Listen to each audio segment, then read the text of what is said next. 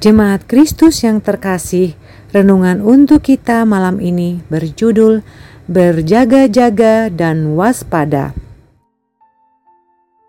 Dan bacaan kita diambil dari kitab 1 Korintus 10 ayat 1 sampai 5 dan 11 sampai 12. Beginilah firman Tuhan. Aku mau supaya kamu mengetahui, saudara-saudara, bahwa nenek moyang kita semua berada di bawah perlindungan awan, dan bahwa mereka semua telah melintasi laut. Untuk menjadi pengikut Musa, mereka semua telah dibaptis dalam awan dan dalam laut. Mereka semua makan makanan rohani yang sama, dan mereka semua minum minuman rohani yang sama, sebab mereka minum dari batu karang rohani yang mengikuti mereka, dan batu karang itu ialah Kristus. Tetapi sungguh pun demikian, Allah tidak berkenan kepada bagian yang terbesar dari mereka karena mereka ditewaskan di padang gurun. Semuanya ini telah menimpa mereka sebagai contoh dan dituliskan untuk menjadi peringatan bagi kita yang hidup pada waktu di mana zaman akhir telah tiba.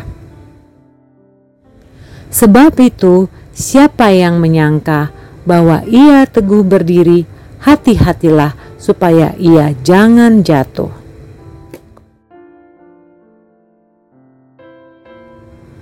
Banyak orang sepakat bahwa air yang tenang justru lebih berbahaya daripada air yang beriak. Karena biasanya air yang tenang justru terdapat arus bawah yang begitu kuat dan sering membuat orang terlena.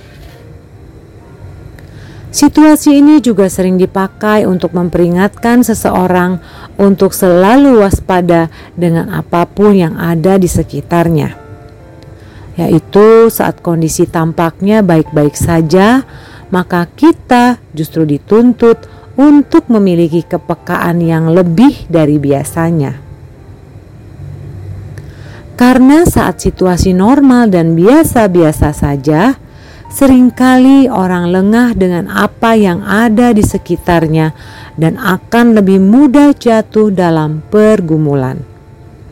Berbeda bila seseorang sedang dalam situasi yang tak menentu. Biasa orang akan lebih berhati-hati dan bijaksana dalam memutuskan segala sesuatu. Hal ini pun juga dinyatakan oleh Paulus untuk jemaat di Korintus. Mereka diminta untuk selalu waspada dalam segala situasi yang dihadapi.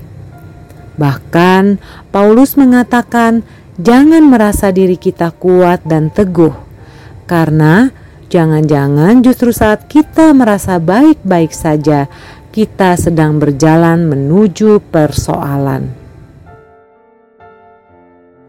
Kita perlu mengingat kembali dari banyak hal yang ada dalam kehidupan kita dan yang ada di sekitar kita.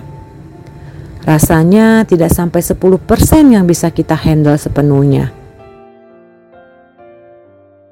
Ada banyak hal di sekitar kita yang justru bergerak bukan karena kemauan kita, dan kita diminta untuk siap sedia bila hal itu datang.